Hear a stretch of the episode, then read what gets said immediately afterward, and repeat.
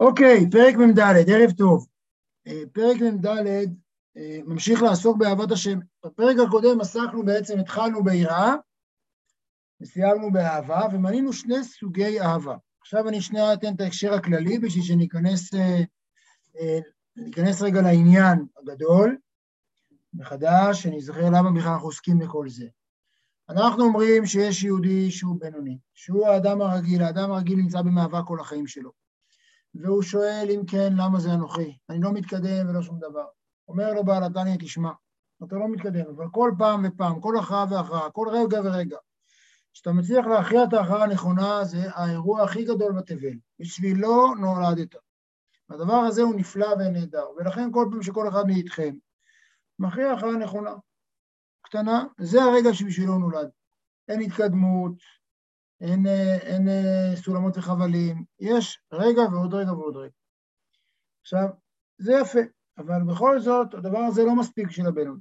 ובעצם מה שאומר התניא, תשמע, העולם הזה נועד שנתבע הקדוש ברוך הוא להיות ידירה בתחתונים. כלומר שהקדוש ברוך הוא, רוצה בעצם במקום החשוך ביותר, במקום הרחוק ביותר, שיהיה מישהו שיגיד, אני רואה אותך, שיהיה מישהו שיאמין בו, שיהיה מישהו מחובר אליו. ובעצם התפקיד שלנו לקחת את העולם הנמוך הזה ביותר, הרחוק ביותר שניתן, כשעדיין יש לו איזושהי תקווה, איזשהו שביב של אור, ובאמצעותו אה, ובדרכו אה, להזכיר את שם השם, להיזכר בו, להגיד שאנחנו לא, שאנחנו לא לבד. ולשם כך יש מצוות. המצוות נועדו בעצם להכניס אור לעולם האפל. אה, להדליק נרות בחושך, כמו שאומרים בתניא בליקודי תורה, בכמה מקומות.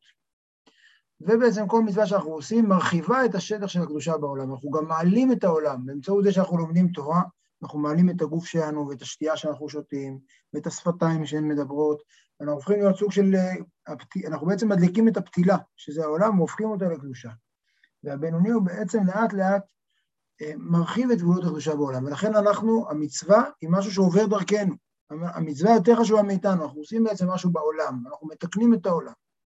עכשיו, המצוות הללו הם כשלעצמם קודש קודשים. כאשר אדם עושה מצווה על אף שהוא ממש לא נמצא שם, הוא, הוא נסע למצוות. ובכל זאת, בעל התניא, בפרקים שאנחנו נמצאים, אומר שבכל זאת צריך המצווה צריך כנפיים. בשביל להעלות למעלה ובשביל בעצם אה, אה, להכניס את הקדושה לתוך העולם ממש בצורה חיה ובוערת, בשביל זה צריך שהמצוות יהיה להם כוונה, שיהיה בהם לעבות את המצוות ולהפוך אותם לחיות ולבוערות.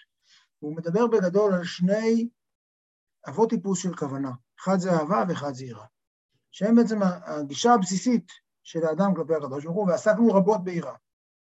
יראה היא בעצם התחושה שאתה לא לבד. יראה זה התחושה הבסיסית, שאתה לא לבד זה שהמעשים שלך חשובים.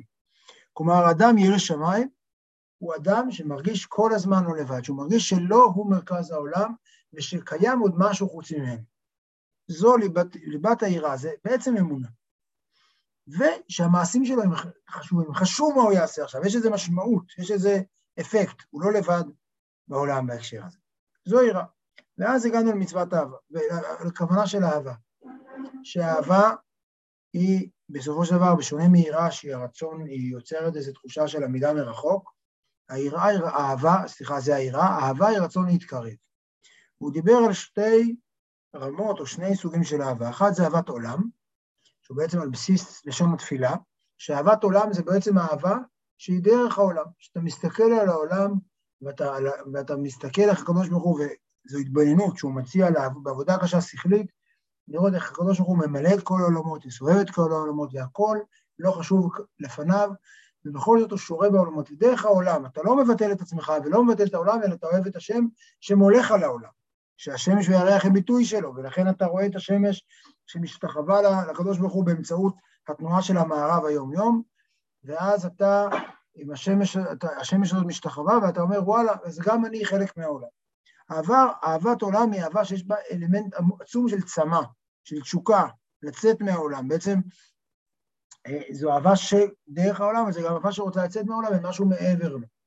לעומת זאת יש אהבה רבה, שהוא ממשיל אותה כאהבה כמים, שהיא אהבה בתענוגים, שזה אהבה של אחדות, זה כבר לא אהבה של תשוקה, אלא אהבה של זוגיות כבר, אהבה שיש בה כבר נחת של קיום משותף, של חיים משותפים, של התאחדות מסוימת עם הקדוש ברוך הוא, ולכן גם אין בה געגועים. אלה שתי האהבות שהוא מתאר, האהבה של הבינוני זה בעצם אהבת עולם. הבינוני לא נדרש לחיות באופן שבו הוא, האהבה הרבה היא אהבה שהבינוני יכול לזכות לה לרגעים, אבל בגדול החוויה הבסיסית שלו זה אהבת עולם, אהבת דרך העולם, אהבה שהוא מרגיש שהוא לא מבטל את קיומו. כלומר, אהבת עולם זה אהבה שאני יש והקדוש ברוך הוא עין. אהבה רבה זה אהבה הפוכה, אני עין והקדוש ברוך הוא היש. ולכן, האהבה שהבינוני נדרש אליה ומסוגל אליה, בגלל שיש לו נפש בהמית כל כך נוכחת ותחושת אני כל כך נוכחת, ממילא אהבת עולם היא היעד הבסיסי שלו. פרק מ"ד יעסוק באהבה. הוא קודם כל יציג עוד שתי סוגי אהבות, שהם כלולים באהבת עולם ואהבה רבה, ואז הוא ידבר עוד פעם על המלאכותיות של אהבה, שקשור לשאלה איך מצווים על אהבה, שזו שאלה הבסיסית בכל עולם מצוות אהבת השם, ובסוף הוא יחזור לשאלה של הדרגות של אהבה ביחס לעולמות, מה שנגענו בו קצת בפרק ל"ט, שהוא קצת היה סבוך. זה פחות או יותר הפרק הזה, פרק מ"ד. גם היום אנחנו, בעזרת השם, אה, אה, נלמד את הפרק כולו. אז רגע, אני אפתח לכם את הפרק, ונתחיל את הפרק עצמו.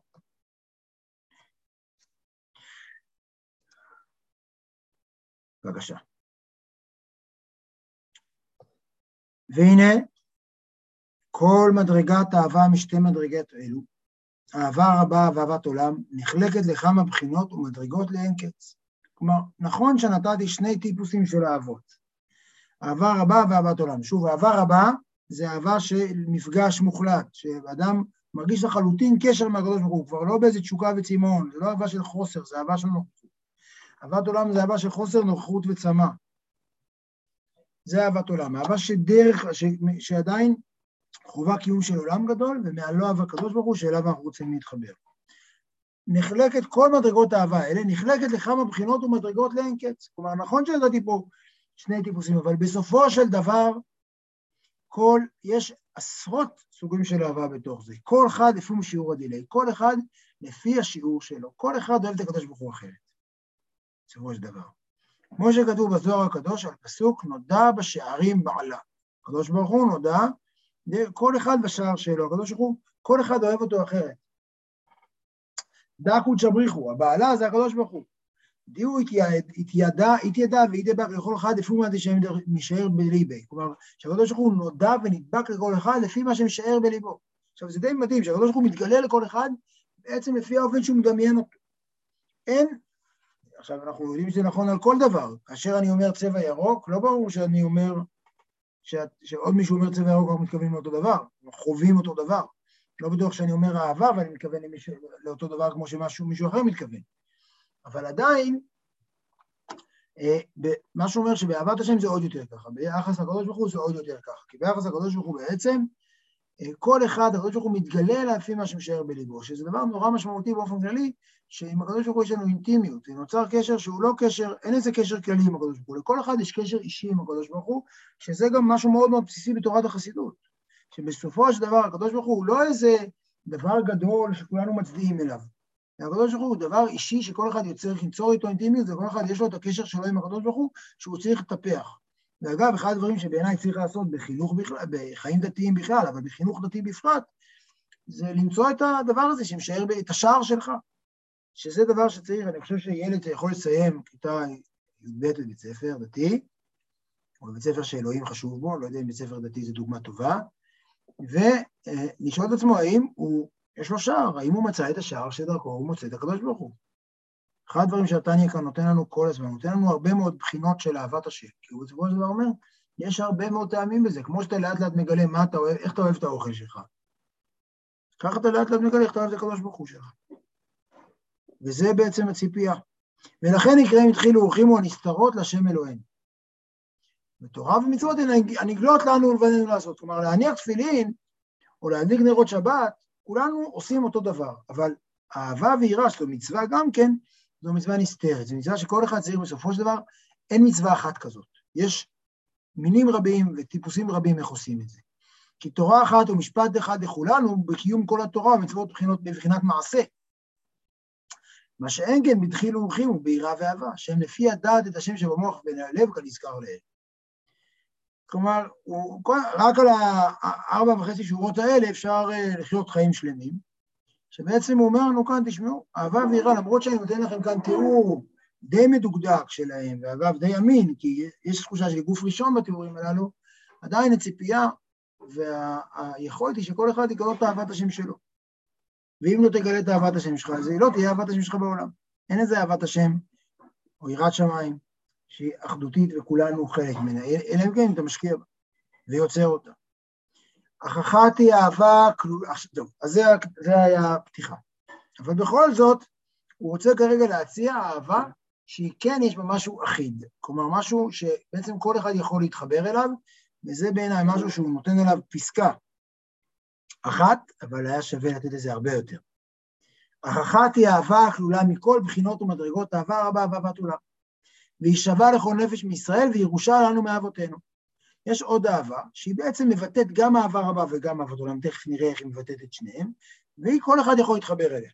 היא שווה לכל נפש וירושה לנו מאבותינו. והיינו מה שכתב הזוהר לפסוק, נפשי הביתיך בלילה. שזה פסוק מ... זה פסוק מישעיהו, כמו שכתוב כאן, נפשי הביתיך בלילה. עכשיו, הפסוק הזה, יש בו בעיה תחבירית. כי נפשי הביתיך בלילה, כלומר, אם אני מדבר על הנפש שלי, אז אני הביתיך בלילה. אם זה הקדוש ברוך הוא, אז מה זה קשור נפשי? אלא, אומר הזוהר, דירחים לקודשא בריחו רחמותא דנפשא ורוחה, כמה דידבקו עניין בגופה בגופה דרכים לא וכולי. כלומר, הפירוש של זה, שאוהב את הקדוש ברוך הוא אהבת נפש ורוח. כמו שנדבקו אלה בגוף, וגוף, והגוף אוהב אותם. כלומר, כאן הוא עושה כאן מהלך מאוד מאוד משמעותי, ואז, ש, כלומר, שבן אדם אוהב את, את הקדוש ברוך הוא, אהבת נפש ורוח, כמו שהוא אוהב את הנפש שלו, כמו שהגוף שלו אוהב את הנפש שלו, כמו שאני אוהב את הנפש שלי, ככה אתה אוהב את הקדוש ברוך הוא. כלומר, הוא יוצר כאן זהות, והוא מסביר את זה, וזהו שכתוב, נפשי הביתיך. כלומר, נפשי, אני, בגלל שאני מחובר לנפשי, אז אני הביתיך, אני מתאבל לקדוש ברוך הוא. כלומר, הוא מסביר את זה יפה, מפני שאתה השם נפשי וחיי האמיתיים, לכך הביתיך. פירוש שאני מתאווה ותאב לך, כאדם המתאווה לחיי נפשו. וכשהוא חלש, הוא... נעצור כאן עוד שנייה, כלומר, יש פה משהו שהוא ממש, הוא בעיניי דרמטי, ולכן אני כאילו הייתי שמח שהוא היה מרחיב בו קצת יותר, והוא לא מרחיב הוא נותן עליו פסקה בדיוק. אבל בעצם הוא אומר, שהוא לא אומר, כמו שאתה צריך לאהוב את הנפש שלך, ככה אתה צריך לאהוב את הקדוש ברוך הוא. הוא אומר שהאהבה שלך את הנפש שלך, זו האהבה של הקדוש ברוך הוא. הוא יוצר כאן זהות בין הנפש שלך לקדוש ברוך הוא, ולכן, בגלל שאני אוהב את הנפש שלי, דרך זה, זה בעצם ההמשך של אהבת עולם. דרך זה שאני אוהב את הנפש שלי, שאני רוצה אותה, שאני רוצה להרגיש חי, שאני לא רוצה למות. התשוקה הפשוטה, לא למות. מה זה למות? למות זה בעצם שהנפש שלי עוזבת את הגוף. אז העובדה שאני לא רוצה לגוף, זה מה שיוצא, זה, זה תיאור לזה שאני אוהב את הנפש שלי. כמו שהגוף שלי אוהב את הנפש שלי, ככה אני, זו, זה ביטוי של אהבת השם. יש איזו משמעות מאוד מאוד אה, אה, רדיקלית כמעט, רדיקלית, לא כמעט, היא רדיקלית בזה שבעצם הביטוי הכי משמעותי של אלוהים בעולם שלי, הדרך הכי קרובה אליי, לכן זה דרך שווה לכל נפש, להידבק בקדוש ברוך הוא, זה להידבק בנפש שלי. שזו אמירה מאוד מאוד מאוד אה, אה, חזקה ולא מובנת מאליה, כי בדרך כלל אנחנו רגילים לומר בחיים הדתיים, שככל שאני מועך יותר את הנפש שלי, ככה אני מתקרב לקדוש ברוך הוא. ופה זה ככה, זה משהו שנמצא עמוק עמוק בתוך העולם הדתי. וכאן הוא אומר דבר מאוד משמעותי, שבעצם החיבוק, ככל שתתחבר יותר לנפש, תיחשף יותר לעצמך, תעסוק יותר בעצמך, ככה תוכל להתחבר, זה הדרך להתחבר לקדוש ברוך הוא. האני הוא ביטוי, אם, אם אנחנו מתייחסים ברצינות לזה שיש בי נפש אלוקית, והנפש אלוקית היא מה שמחיה את הגוף שלי, אז הנפש אלוקית, שהיא גם כן חלק מהאני שלי, אז עכשיו, אין כמובן נפש בהמית, עכשיו צריך פה להבחין בין נפש בהמית לנפש אלוקית. אבל אם אני מצליח לזקק ולהרגיש את הנפש האלוקית שלי, אז דרכה אני יכול להתחבר לקדוש ברוך הוא, היא לא דרכה, היא התחברות לקדוש ברוך הוא.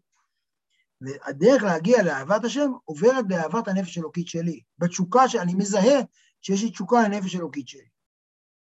איך אנחנו מרגישים? עכשיו, את הנפש אלוקית בדרך כלל אנחנו לא משתוקקים אליה. למה אנחנו לא משתוקקים אליה בדרך כלל? כי בדרך כלל אנחנו, אנחנו מרגישים אחדות איתה. זה כמו אהבה רבה. לכן זה כלול באהבה רבה, כי אהבה רבה בדרך כלל, כמו שאמרתי, אהבה רבה זה לא אהבה של געגועים, אלא אהבה של נוכחות, של אחדות.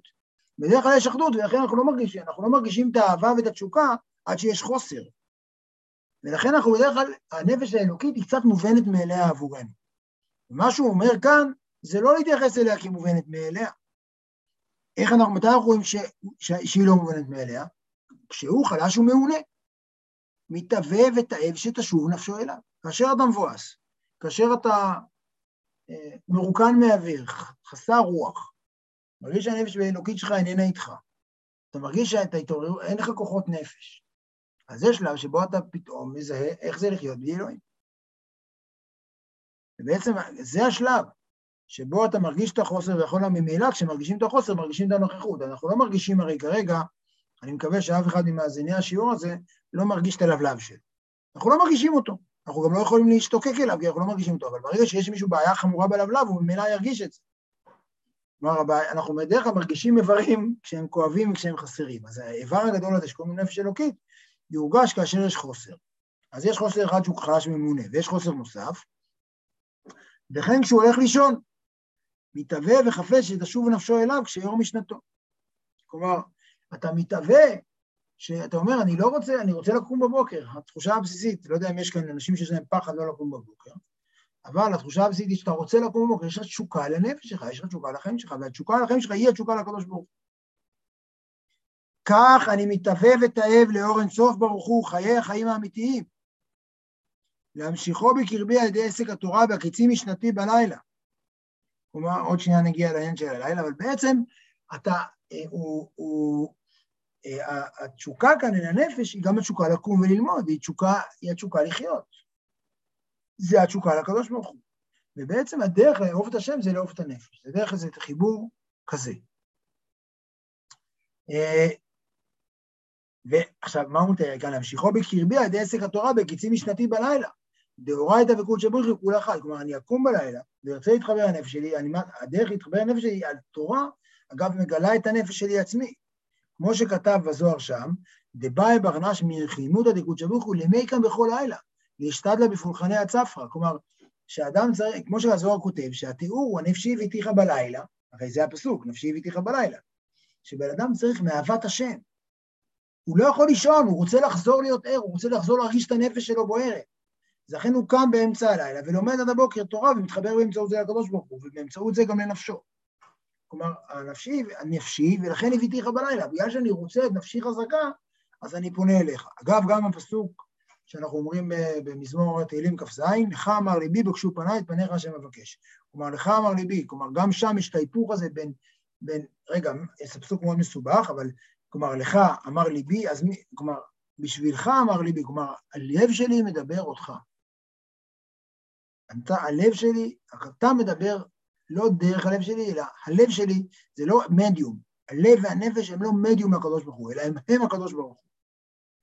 כאמור, כמו שאמרתי, זה נורא נורא משמעותי, פתאום נותן איזה עבודה, איזה מנוע לעבודה פנימית, מתוך איזו תחושה שדרכה אפשר להתחבר לקדוש ברוך הוא. אבל בעצם הוא אומר, תנסה כמו שאתה רוצה להרגיש, זה הדרך שלך להרגיש תשוקה לחיים, תשוקת החיים, בסופו של דבר תשוקה לקדוש ברוך הוא. אז זה, זו ההצעה הזאת, שזה בעצם אהבה, שהוא אומר שזה אהבה, בשונה מהאהבה ההיא שהוא לא לגמרי, כל אחד מגיע לאחרת, הוא אומר, זו אהבה שלכולם יש במידה שווה. גם היא בעצם שונה מאוד מכל אחד ואחד, אבל זה מה שהוא טוען, שזו אהבה שווה, וזו אהבה שקוראים לה נפשי והטיחה בלילה. ואהבה רבה וגדולה מזו, והיא מסותרת גם כן בכל נפש מישראל בירושה מאבותינו, עם מה שכתב בראיה מאמנה. עכשיו יש פה מה החולשה של האהבה הזאת? החולשה של האהבה שנפשי הביתיך, שזו אהבה שהיא תלויה, בסופו של דבר בגבולות של האני. אני לא יכול, ממילא אני לא אוהב את הקדוש ברוך הוא יותר משאני אוהב את אני, זה דבר ענק. לא כל אחד זוכה לאהוב את הקדוש ברוך הוא כמו שהוא אוהב את עצמו, יש הרבה אנשים שאוהבים את הקדוש ברוך הוא, שממש לא אוהבים את הקדוש ברוך הוא, שאין להם שום יחס אליו. וכאן הוא אומר, אתה אוהב את הקדוש ברוך הוא כמו שאתה אוהב את עצמך. עכשיו הוא יציע אהבה שאתה אוהב את הקדוש ברוך הוא יותר משאוהב את עצמך. אבל רק אני רוצה, הזוהר הזה שהוא מציג, שבן אדם מרוב אהבה, זה התיאור שלו, שהוא לא יכול לישון בלילה. הוא הוא רוצה לשוב להרגיש את השם, הוא לא מוכן, הוא יודע שהוא לידו, הוא מתעורר בלילה וחוזר, ומתעורר ועובד בעבודת השם עד הבוקר, להשתדלה בפולחנה, אגב, לא כתוב פה עם התורה, להשתדלה בפולחנה, להשתדל בעבודת השם עד הבוקר, כי הוא רוצה לפגוש את הנפש שלו. אבל יש לנו אהבה גדולה ורבה וגדולה מזו, והיא מסותרת גם כן בכל נפש מישראל בירושה מאבותינו, עם מה שכתב בראיה מאמנה, גם כן בזוהר, כברה דשתדל בתר אבוי ואימי, דרכים לו יותר מגרמי נופשי ורוחי. כלומר, כבן שמשתדל אחרי אביו ואימו, שאוהב אותם יותר מאשר אוהב את עצמו, ואת נפשו ואת רוחו. כלומר, זה, זה בעצם אה, אה, אה, אהבה שהבן אדם שם את עצמו בצד לגמרי מוכן ואוהב את, את, את, את הוריו יותר משאוהב את עצמו, כי הלא אב אחד לכולנו. ולכן הקדוש ברוך הוא הוא אבא שלנו. ואף כי מי הוא זה ואיזה הוא. כן, זה לכבוד, אגב, מי הוא זה ואיזה הוא, זה לכבוד פורים, יש לנו פה אזכור מהמגילה. ואף כי מי הוא זה ואיזה הוא, אשר ערב ליבו לגשת, להשיג אפילו חלק אחד מני אלף ממדרגת אהבה ירה מהמנה. כלומר, מי יכול, מי חושב כאן שהוא יכול לאהוב את הקדוש ברוך הוא כמו שמשה רבנו אהב את הקדוש ברוך הוא, שהוא אוהב את הקדוש ברוך הוא יותר מאשר את עצמו. עכשיו, כמו שאנחנו מכירים את התניא, ודאי שכל אחד יכול. מכל מקום, הרי אפס קצהו ושמץ מינהו, מרוב טובו ואורו, מאיר חרות ישראל בכל דור ודור. כמו שכתוב בתיקונים, כלומר, בכל זאת, כל אחד יש לו קצת פוטנציאל לדבר הזה. להתפשטותי בכל דרה ודרה לנער עליהם, כלומר, יש את ההתפשטות של משה רבנו בכל דבר דור להעיר להם. רק שהערה זו היא בבחינת אסתר ואלם גדול בנפשות כל בית ישראל. עד, כלומר, הוא אומר, זה, יש אהבה שאדם אוהב את הקדוש ברוך הוא. מהרבה בחינות האהבה הראשונה היא קצת קשורה לאהבת עולם, כי היא אהבה דרך העולם, והיא אהבה שיש בה תשוקה ותאווה, כמו שהוא אמר, לכן זה נפשי איביתיך בלילה, יש פה תאווה ותשוקה להתחבר אל עצמי. האהבה הזאת היא אהבה שמעבר לזה, שאני כבר עין, אני לא חשוב כאן, אלא האהבה היא יותר חשובה כאן. והאהבה הזאת היא אהבה של משה רבנו. הוא אומר, זה אהבה שאי אפשר, מי זה ואיזה הוא, בכל זאת, ולכן ההערה הזאת היא בהיעלם, הסתר והיעלם גדול בנפשות בית ישראל. אבל להוציא אהבה זו המסותרת מהיעלם והסתר אל הגילוי, להיות בהתגלות ליבו ומוחו, לא נפלט ולא רחוקי. כלומר, הוא עושה כאן את המהלך הדי קבוע שלו, אומר, תראו איזה נפלא, אף אחד לא מסוגל, כמו שהוא אומר, לית מחשב בתפיסה בי, אבל הוא מקדילי בתפיסה בי. כלומר, בעצם אף אחד לא יכול להשיג את האהבה הזאת, אבל כל אחד יכול להשיג את האהבה הזאת. לא נפלט ולא רחוקי, אלא קרוב הדבר מאוד בפיך ובלבבך. כלומר, זה הפסוק, המוטו של הדני, אומר, בעצם האהבה הזאת, כל אחד יכול, זה קרוב אליך מאוד. איך? וזה מאוד חשוב, זה בעצם האהבה הכי גבוהה. איך עושים את זה? בפיך ולבבך כאן זה לא, כמו שהוא אמר, עד עכשיו הוא הסביר, שקרוב אליך דבר מאוד פיך ולבבך לעשותו, שהכי חשוב זה לא אם אתה, מה אתה מרגיש, אלא בפיך ולבבך לעשותו, הכוונה היא מה אתה, אלא מה אתה עושה. כאן הוא אומר, הדרך להגיע לאהבה, כלומר, הפירוש עד עכשיו של הפסוק היה, שלא אכפת לי, הדבר המרכזי זה לעשותו. בפיך ובלבבך, כאשר אתה אומר ברכות או מתפלל, זה מוכיח שאתה אוהב. כאן הוא אומר, כאשר אתה מתפלל, אתה יכול לגרום לעצמך לאהוב, זה עובד הפוך. כאן פיך ובלבבך זה ביטוי לאהבה, וכאן פיך ובלבבך זה הגורם לאהבה, שזה מה שהוא עושה כאן. דהיינו, להיות רגיל על לשונו וקולו, לעורר כוונת ליבו ומוחו, להעמיק מחשבתו בחיי החיים אין סוף ברוך הוא, כי הוא אבינו ממש האמיתי ומקור חיינו, ולעורר עליו אהבה כאהבת הבן אל האב. שזה בעצם האהבה שהוא מציג כאן, שזה אהבה, שהיא אהבה שאתה אומר, זה המקור שלי, זה העניין שלי, ולכן זו אהבה שגדולה ממנו. ואתה יכול להרגיל לשונו וקולו, לעשות את עצמך. זה ממש מה שהוא מציע כאן. וכל הזמן הוא מדבר על זה, אחת הסוגיות שהוא עוסק עוד שנייה, הוא יתעסק בזה עוד פעם, הוא יגיד שוב, נקרא את זה ממש עכשיו, כשירגיל עצמו כן תמיד, להתרגל, להגיד את זה, להתעסק, לומר את זה באופן מלאכותי, באופן מעושה. הרי ההרגל נעשה טבע. ואף אם נמנה לו לכאורה שהוא כוח דמיוני לא יחוש, מאחר שהוא אמת לאמיתו מצד עצמו, בבחינת אהבה מסותרת. כלומר, אתה מרגיש שאתה סתם אומר שטויות, שאתה לא מזדהה עם זה, אתה מרגיש חוסר אותנטיות, זה אחת המצוקות הכי גדולות של הבינוני, כי הוא תמיד מרגיש חוסר אותנטיות, כי הוא אף פעם לא שלם עם המעשים שלו, ובטח לא עם הרגשות שלו, שהם לא בשליטתו. עדיין הוא לאט לאט אומר את זה יותר ויותר, הוא מתרגל. הוא מתרגל ולאט לאט, עכשיו הוא מתרגל למשהו, הוא לא צריך לפחד, כי זה בסופו של דבר מה שבעל התניא אומר כאן, שזה אמיתי אצלו. רק תועלת יציאתה אל הגילוי כדי להביאה לידי מעשה, שהוא עסק התורה והמצוות, שלומד ומקיים על ידי זה כדי לעשות נחת רוח ומטבח כבן העובד את אביו. כלומר, בסופו של דבר זה אומנם אהבה מסותרת, אבל הביטוי שלה במציאות הוא מלא. נכון שאתה לא לגמרי מרגיש שחר כלפי הקדוש ברוך הוא, נכון שאתה לא ככה מרגיש כלפי ההורים שלך, אבל בסופו של דבר אם אתה מתפקד ככה, אז זה כנראה מוכיח שאתה שם. כלומר, הוא אומר, תעשה את עצמך בפה, תגיד לעצמך את זה, תתרגל לחשוב ככה, תתרגל לומר את זה ככה, וגם תעשה את מה שצריך, את הביטוי של זה. נניח שאתה אה, אה, לא אוהב את אשתך, ואתה אבל אומר לה כל הזמן, וגם אתה מתפקד, אתה עושה לה כל בוקר, מביא לה כל בוקר פרחים, לא יודע מה שאתה עושה, בסופו של דבר, בגלל שאתה גם עושה מעשה וגם עושה את עצמך במילים, לאט לאט זה נוצר. שהוא את התורה והמצוות, שלומד ומקיים על ידי זה כדי לעשות נחת רוח לפעם המטבח, כבן העובד את אביו. ועל זה אמרו, מחשבה טובה, הקדוש ברוך הוא מצרפה למעשה. אמרנו לפני כמה שיעורים שהעניין הזה של הכוונה של המצוות, כן, כי אתה אמרת בעניין של בן אדם הרי יכול עכשיו לעשות משהו אחר, יכול ללכת עכשיו לנופש בים והוא במקום זה הולך לבית הכנסת, אז עצם, כאילו עצם המעשה שמה שהוא בוחר זה מה שמביא את ה... זה מה שאתה אומר כאן? בדיוק. כלומר, לא, הוא אומר כאן שני דברים. פעם קודמת אמרנו שהעובדה שהוא עושה את המעשה מוכיח שהוא בעצם שייך ואוהב. כאן הוא אומר, הוא גם עושה את המעשה והוא גם עושה את עצמו, הוא, הוא, הוא, הוא, משק... הוא, עושה, הוא מדמיין כאילו הוא שם. הדמיון זה התוספת שיש כאן. הוא אומר, מחשבה טובה, הקדוש ברוך הוא מצרפה למעשה. כלומר, יש לך מעשה, יש לך מחשבה טובה, ויש לך כוונה פנימית מסודרת. המשולש הזה מתחבר, הקדוש ברוך הוא יוצר את החיבור, למרות שהוא לא תולדה. בדרך כלל יש לנו משהו שאנחנו מרגישים מאוד חזק, ואז אנחנו אומרים אותו, ואז אנחנו עושים לקראתו. כאן אנחנו לא, אנחנו מרגישים, אנחנו, כאן אומרים לנו שאנחנו מרגישים כי זו אהבה מסותרת, אנחנו אומרים את זה בפה באופן מלאכותי, ואנחנו עושים את זה באופן מנותק. למרות, הבינוני נמצא במצוקה, הוא עושה, הוא עושה משהו שהוא לא לגמרי מזדהה איתו, נוצר אצלו איזה סלט פנימי, שהוא לא, הוא לא, הוא לא איזה קוהרנטי, כי הוא לא, שוב, רגש שיוצר מילים, שיוצר, שיוצר מעשה, אלא שלושה דברים מפורקים, ואז הקדוש הוא מצרף את זה, כלומר, הוא לא יוצר את המעשה, אלא הוא מחבר אותם ויוצר כאן משהו שהוא בעצם אחדותי, למרות שאתה לא מרגיש אחדותיות, אתה מרגיש מלאכותיות. והקדוש ברוך הוא מצרפה למעשה להיות גדפין לפרחה כנזכר, כלומר להיות כנפיים למצווה. והנחת רוח הוא כי משל שמחת המלך, מבנו שבא אליו מצאתו מבית האסורים כנזכר לאל, או להיות לו דירה בתחתונים כנזכר לאל. כלומר, כמו שהוא כבר הזכיר, בעצם הקדוש ברוך הוא נהיה לנו נחת רוח, למרות שהקדוש ברוך הוא צריך כאן ליצור את ה, את ה...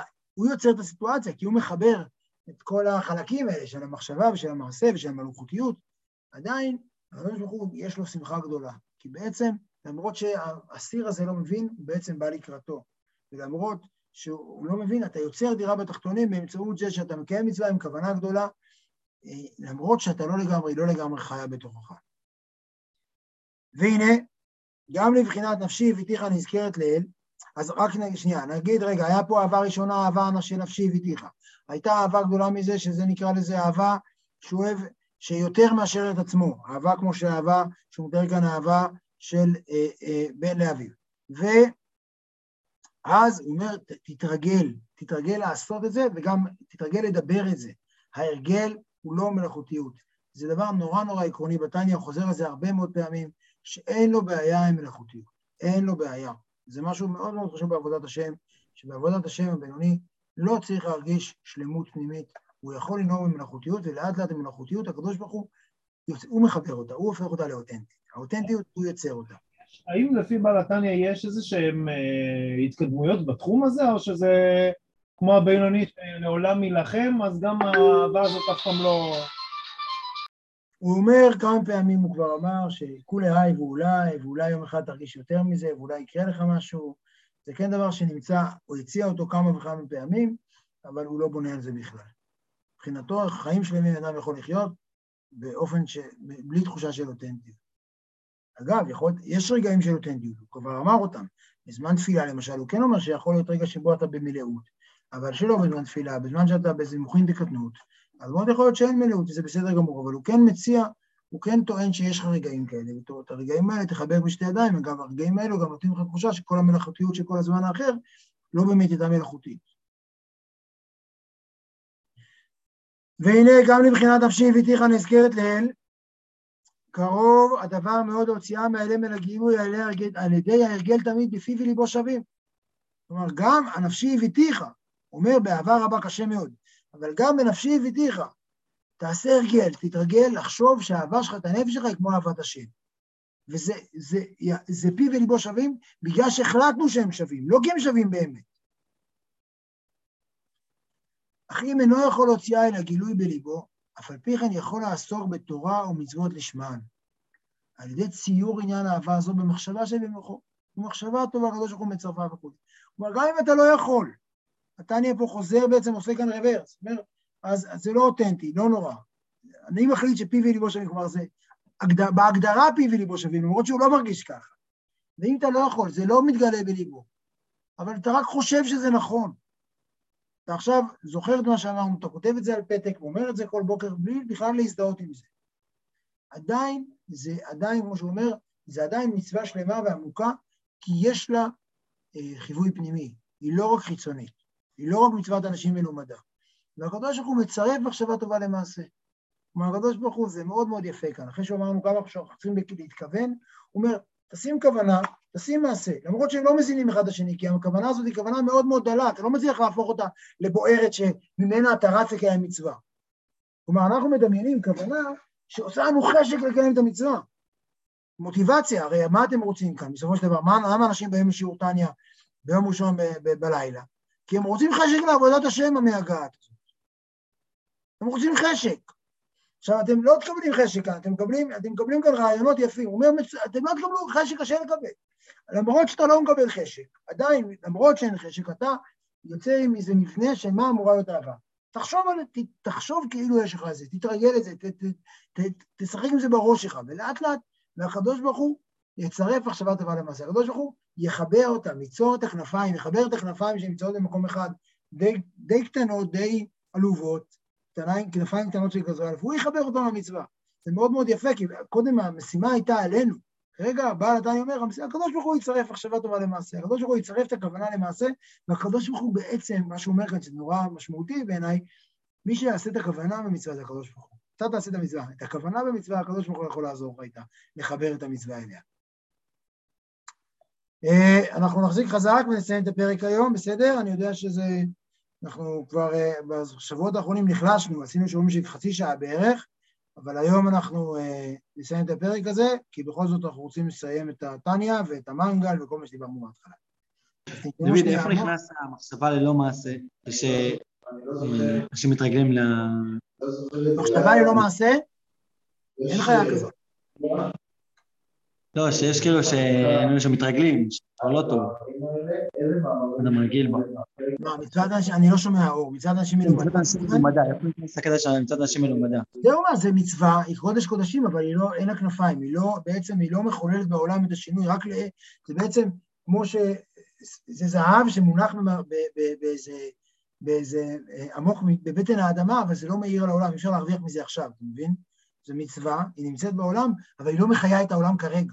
זה לא זהב שהוציאו אותו מהבור, זה זהב שתקוע אי שם, במכרה. בסדר? זה מה שתיארנו. והנה שתי בחינות האבות העולות, תראו מה נעשה. אה, אני אקרא ואקרא פסקה, אתן שני משפטים שנסביר אותה, לא צריך להבין הכל, בסדר? אבל אני כן חשוב לסיים את הפרק, אה, למרות שאנחנו, אה, יכול להיות שחלק האנשים כבר התעייפו. מה פתאום, אני מוריד את המוטיבציה. כולכם ערניים וחדים, ולכן אנחנו מסיימים את הפרק היום. והנה שתי בחינות האבות האלו, אף שנירושה לנו מאבותינו כמו טבע בנפשותנו, וכן העירה כולה בהם. כלומר, מה שהוא אומר כאן, מה שהוא אומר קודם, שהיחס בין אהבה ליראה הוא לא יחס חד, לא, זה לא שני דברים נפרדים, כי היראה, ברגע שאתה אוהב מישהו מאוד, אתה גם מפחד שיראה מלהיפרד חס ושלום במקור חיינו ואבינו אמיתי, ברוך הוא. כלומר, ברגע שבן אדם מאוד מאוד אוהב מישהו, גם יש בזה יראה, כי הוא מפחד בעצם להתרחק, ולכן זה תמיד, באהבה כלולה תמיד יראה, גם, גם ביראה כלולה תמיד אהבה. אבל ביכן אינן נקראות בשם תחילו וחימו טבעיים. זה הנמוך יותר, כמו שאמרנו בעולם, בעולם היצירה. אלא כשהם במוחו ומחשבתו לבד בתעלומות ליבו. ואז מקומן בעשר ספירות ביצירה ולשם הם מעלות ממנו תורה ומצוות הבאות מחמתם וסיבתם. כלומר, אה, כאשר אדם יש לו את החשק הבסיסי הזה לקדוש ברוך הוא, כאשר יש לו אהבה בסיסית לקדוש ברוך הוא, למרות שזה לא, זה במוחו ומחשבתו לבד. זה לא פועל, את. הוא לא מתרגש. אנחנו רגילים, אנחנו חיים בעולם שבו אנחנו רגילים להתרגש. אנחנו רואים אה, סרט, אנחנו מתרגשים. מול הקדוש ברוך הוא קשה מאוד להתרגש, רובנו לא מתרגשים היום. אבל זה במוחו מחשבתו לבד ותעלומות ליבו. אז, אבל עדיין זה משהו, יש כוונה, יש הצהרה. בעצם תתייחסו לכוונה הזאתי, הדרגה הזאת של כוונה היא סוג של, אני אומנם לא יודע מי אתה הקדוש ברוך הוא, אני לא לגמרי רוצה אותך, אבל אני יודע למה אני צריך לרצות אותך. זה סוג של הצהרה. אני מצהיר שאני רוצה אותך. ולכן זה כבר מעלה את המצוות, וזה כבר כנפיים למצוות. גם אם זה רק במוח, גם אם זה רק אמור להיות. אני מרגיש שאני אמור. אבל כשאין מתגלות ליבו, נקראות רעותא דליבא בזוהר, ומקורן בעשר ספירות דבריהו, לשם הם מעלות עמהם לתורה והמצוות הבאות מחמתן. מפני שיציאתם מהאלם והסתר הלבל לבחינת הגילוי, על ידי הדעת ותקיעת המחשבה בחוזק, והתבוננות עצומה מעומקא דליבה, יתיר ותדיר ואינסוף ברוך הוא, איכו חיינו ממש ואבינו אמיתי ברוך הוא. כלומר, כאשר יש התגלות עליהם, כאשר יש אהבה שיש בה התרגשות, לא סתם התרגשות שנולדה משום מקום, אלא התרגשות, כי אז לא בטוח שהיא אמיתית בכלל, אלא התרגשות שנולדה מהתבוננות, מעומק הלב, יתיר ותדיר, באופן עמוק, אינטנסיבי ורציף. זו אהבה שהיא כבר אהבה של בריאות, של עולם הבריאה, זו אהבה כבר גבוהה מאוד, שהיא עומק הלב, זה אהבה שאליה צריך לקיים. כלומר, הוא אומר לנו כאן בעצם, גם, הוא אומר כאן שני דברים. א', אהבה, אמרתי לכם קודם, הוא חוזר כאן בעצם לפרקים שדיברנו על הדרגות. הוא אומר, גם אם אתה בכלל לא מרגיש אהבה, אלא רק רוצה להרגיש, זה כבר טוב. הקדוש ברוך הוא יצרף את האהבה, את המחשבה הטובה למעשה, והוא ייצור את ההד הפנימי למצווה שלך. והאהבה הזאת זה בעצם אהבה של יצירה, כי יש בה כוונה, יש בה רצון. עכשיו, האהבה שיש בה גם אה, אה, התפעלות והתגלות הלב, זו כבר אהבה שהיא הרבה יותר גבוהה ומעלה את המצוות עולם הבריאה, כבר פירטנו את המשמעות של זה, שבעצם אנחנו יוצרים בעולם פה משהו הרבה יותר גבוה ממה שיש בעולם באופן בסיסי. איך אפשר, קודם דיברנו הרי בשיעורים לפני כן, היה את העניין של היראה, להתבונן, כל הזמן הוא אמר להתבונן בשכל, להתבונן בשכל, כדי להגיע לעניין של היראה, איך, איך, כמה הוא, כמה הקדוש ברוך הוא גדול וכמה אין סוף וכולי וכולי. ועל ידי זה הוא רואה כמה הוא קטן וכמה כל העולם וכל הדברים האלה הם רק קצה קצהו של מחשבה של, של השם. עכשיו מאוד מאוד קשה כאילו לעשות בדיוק הפוך, זאת אומרת לבוא ולהתבונן באותו אין סוף איכשהו אבא, כאילו אבא זה הדבר הכי קרוב שיש ומצד שני כאילו זה הדבר הכי רחוק האין סוף הזה איך, איך אפשר לשחק על זה? זאת אומרת... לכן אתה נוגע בנקודה מאוד חשובה, תודה על השאלה הזאת, כי אתה נוגע בנקודה חשובה, כי בעצם אתה אומר, יש כאן סוגים של אלוהים שונים. אנחנו, אנחנו פונים, נכון, אנחנו כל הזמן אומרים אב הרחמן, או כל מיני, כן, אבינו מלכנו, אבל באמת, כאילו, והשמות האלה לבביך אין כאן, זאת אומרת, איך, איך אפשר, הבעל התניא לא, לא מביא דרך לעשות, איך לעשות את ההתבוננות הזאת, זאת אומרת, איך, איך אפשר להגיע לזה? לאיזה התבוננות? של אבינו? איזה התבוננות חסרה לך? איך לעורר את האהבה הזאת, זאת אומרת, איך באמת, כאילו, לעשות את זה שזה יהיה אמיתי ורציף ובעומק הלב וכולי וכולי, זאת אומרת, איך אפשר לעשות את זה? אני חושב שלכן הוא התחיל פה בנפשי הבאתיך. תחפש את האהבה הזאת בתוכה, כמו שאתה אוהב את עצמך וכמו שאתה אוהב את ההורים שלך. יש פה משהו שהוא הרבה יותר, בפרק הזה, הרבה יותר קיומי. לא פילוסופיה, לא לשבת ולהרהר בפילוסופיה, שהוא מציע חשיבה פילוסופית שמניעה מעשה מאוד, הוא לא מזלזל בה בכלל, זה מה שהוא עשה כל הזמן. אבל כאן הוא בעצם מציע לך, תחוש את זה בעצמך, כמו שאתה רעב וצמא ואתה רוצה להרגיש יותר חי, ככה הקדוש ברוך הוא, כמו ההורים, כמו הקשר עם הילדים שלך. כלומר, יש פה משהו שהוא בעצם מציע לך הרבה הרבה הרבה יותר דרך החוויות שאתה מכיר. בפרק הזה הוא נותן כאן משהו, והוא בעצם, לכן הפתיחה של הפרק, שאומרת שהאהבה שונה מאדם לאדם, והיראה שונה מאדם לאדם, נורא משמעותית כי בעצם כל אחד מדמיין את הקדוש ברוך הוא כמו שהוא משער בליבו.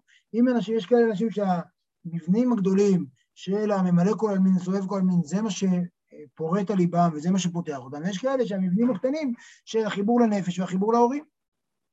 זה, נראה לי שזה מה שהוא מציע כאן, ולכן השאלה שלך חשובה וטובה, שנגע בעצם במה הפרק הזה מנסה לעשות. שהפרק הזה מנסה לקרב את האהבה לחוויית החיים הבסיסית שלנו. זה לא פרק פילוסופי.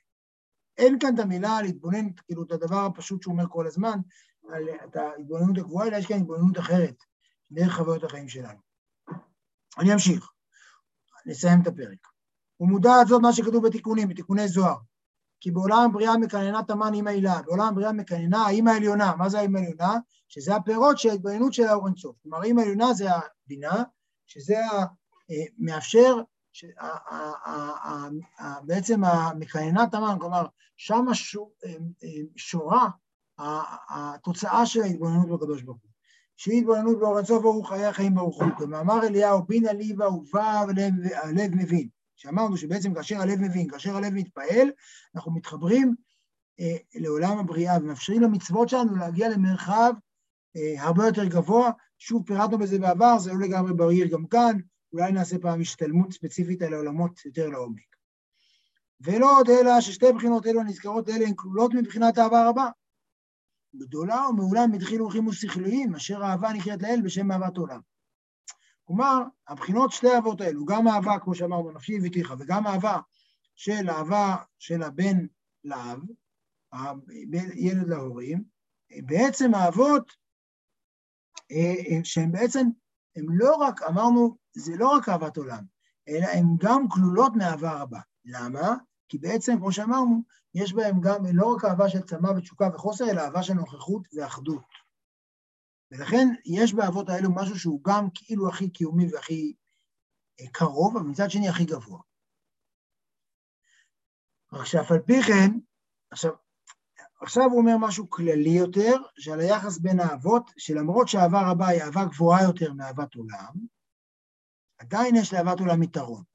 מה היתרון של אהבת, אהבת עולם? כלומר, הוא אומר, האהבה הזאת, האהבה שנפשי הביתיך, והאהבה של אהבת האהבה המשפחתית הזאת שהוא תיאר קודם, יכולות להפוך להיות אהבה רבה. כלומר, יכולות להפוך להיות אהבה שבה האדם מרגיש פשוט נוכחות וחיבור. אבל מה, מה היתרון של אהבת עולם? היתרון של אהבת עולם זה העצמה. ולכן זה, עם זה הוא מסיים את הפרק. רק שאף על פי כן צריך לטרוח בשכלו להשיג ולהגיע גם מבחינת אהבת עולם הנזכרת האלה. הבאה מהתבונה ודעת בגדולת השם כדי להגדיל מדורת אש האהבה ברשפי אש ושלבת עזה ולהב העולה השמיימה. עד שמים רבים לא יכולו לכבות את האהבה ונרות לא ישטפוה. כי יש יתרון ומעלה לבחינת אהבה כרשפי אש ושלבת עזה וכולי הבאה מהתבונה ודעת בגדולת אינסוף ברוך הוא על שתי בחינות אהבה הנזכרות האל, כאשר אינן כרשפי אש ושלבת וכולי, כי יתרון ומעלת הזהב על הכסף, כמו שהתבהר לקמן. נעצור שנייה כאן, ואז נקרא את המשפט האחרון של הפרק. הוא בעצם אומר שהאהבות האלה, על אף שהן קיומיות מאוד, והן יכולות להיות כמו אהבה רבה. כלומר, מה אהבה רבה? שהן יכולות להיות אהבות, אהבות, אהבה על מי מנוחות. היא יכולה להיות אהבה שהיא אהבה של חיבור נינוח כמו אה, אה, זוג ותיק, משהו שאין בו כבר איזו תשוקה ראשונית של חוסר, של חוסר, של התרגשות ראשונית. ואהבת עולם, יש בזה תחושה ראשונית של גילוי מחודש ושל געגועים ושל חוסר. ולכן הוא אומר שהוא רוצה, הוא בעצם אומר שלאהבה הנמוכה יותר כביכול, לאהבת העולם יש יתרון, שהיא מגדילה את מדורת האהבה.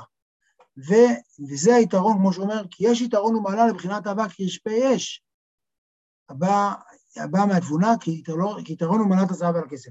הזהב זה התשוקה, זה הצד של, ה, של, ה, של האש, והכסף זה מים, זה מלמעלה למטה. וככה הוא אומר, לא משנה, לא ניכנס לזה עכשיו. וגם כי זה כל האדם, אז מה שהוא אומר כאן בעצם, שבעצם למרות שיש כאן שתי אהבות שהוא מדרג ביניהם, וגם את האהבה שלנו שיש בו את נפשי והתיכה, ואהבה שכמו אהבת הבן על ההורים, אז שהן בעצם יכולות להיות כמו אהבה רבה, יש יתרון מיוחד לאהבת עולם, לאהבה של התשוקה, של החוסר, לאהבה דרך העולם, לאהבה דרך זה שאני מרגיש יש ואני מחפש את העין. יש יתרון בזה. מה היתרון? היתרון זה החוסר, היתרון זה הגעגוע, היתרון זה האש. וגם כי זה כל האדם ותכליתו, למען דעת את כבוד השם ועיקר תפארת גדולתו. גם זה ממגילת אסתר.